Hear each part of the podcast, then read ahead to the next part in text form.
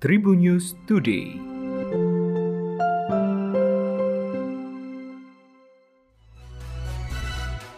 Tribuners, saya Delta Gonzales menemani Anda dengan kumpulan berita-berita terkini dalam Tribun News Today.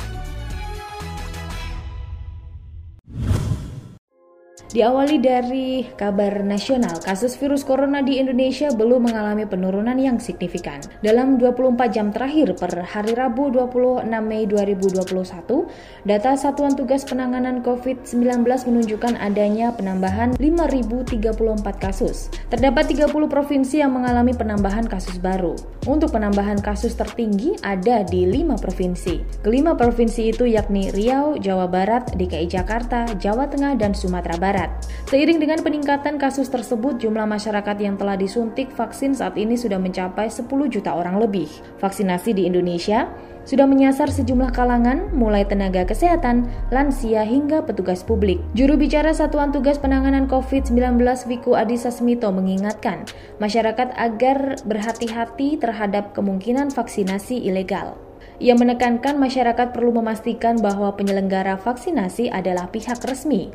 Hal ini sebagai antisipasi dari kasus vaksin ilegal yang sempat merebak di Medan. Dalam kasus dugaan jual beli vaksin Sinovac itu, Polda Sumatera Utara telah menetapkan empat tersangka. Kita beralih ke kabar internasional. Tribuners Hawaii yang merupakan negara bagian di Amerika Serikat telah mencabut aturan memakai masker di luar ruangan. Berdasarkan laporan Travel and Leisure, kini wisatawan tidak perlu lagi memakai masker untuk menikmati destinasi wisata di sana mulai pantai, jalur pendakian hingga pemandangan alam. Hal itu terlepas dari apa pun status vaksinasi COVID-19 mereka. Gubernur Hawaii, David Ige mengatakan, saat mengumumkan hal itu, kesuksesan program vaksinasi dan kerjasama dari penduduk di seluruh Hawaii berhasil membuat wilayahnya menuju ke tahap tersebut.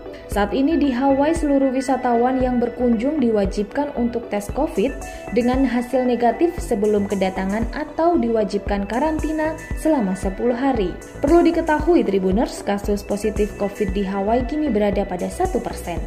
Kendati demikian, Hawaii berencana tetap melanjutkan kewajiban pemakaian masker selama berada di dalam ruangan. Setelah lama bungkam dan menghilang, Felicia Tisu akhirnya muncul klarifikasi hubungannya dengan Kaisang Pangarep.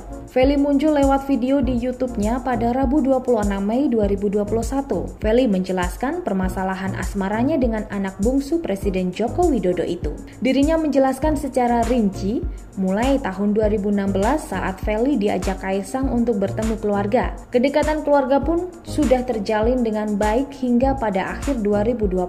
Kaisang menyebutkan waktu itu keinginannya untuk menikahi dan telah meminta restu keluarga. Namun dua minggu berselang, kemudian Kaisang menghilang begitu saja dari kehidupan Feli. Feli mengatakan Kaisang juga memblokir seluruh kontak selulernya hingga dia mencari tahu sendiri kabar Kaisang. Feli sangat kecewa karena tidak mendapatkan respon dari Kaisang meski mantan kekasihnya itu sangat aktif di sosial media.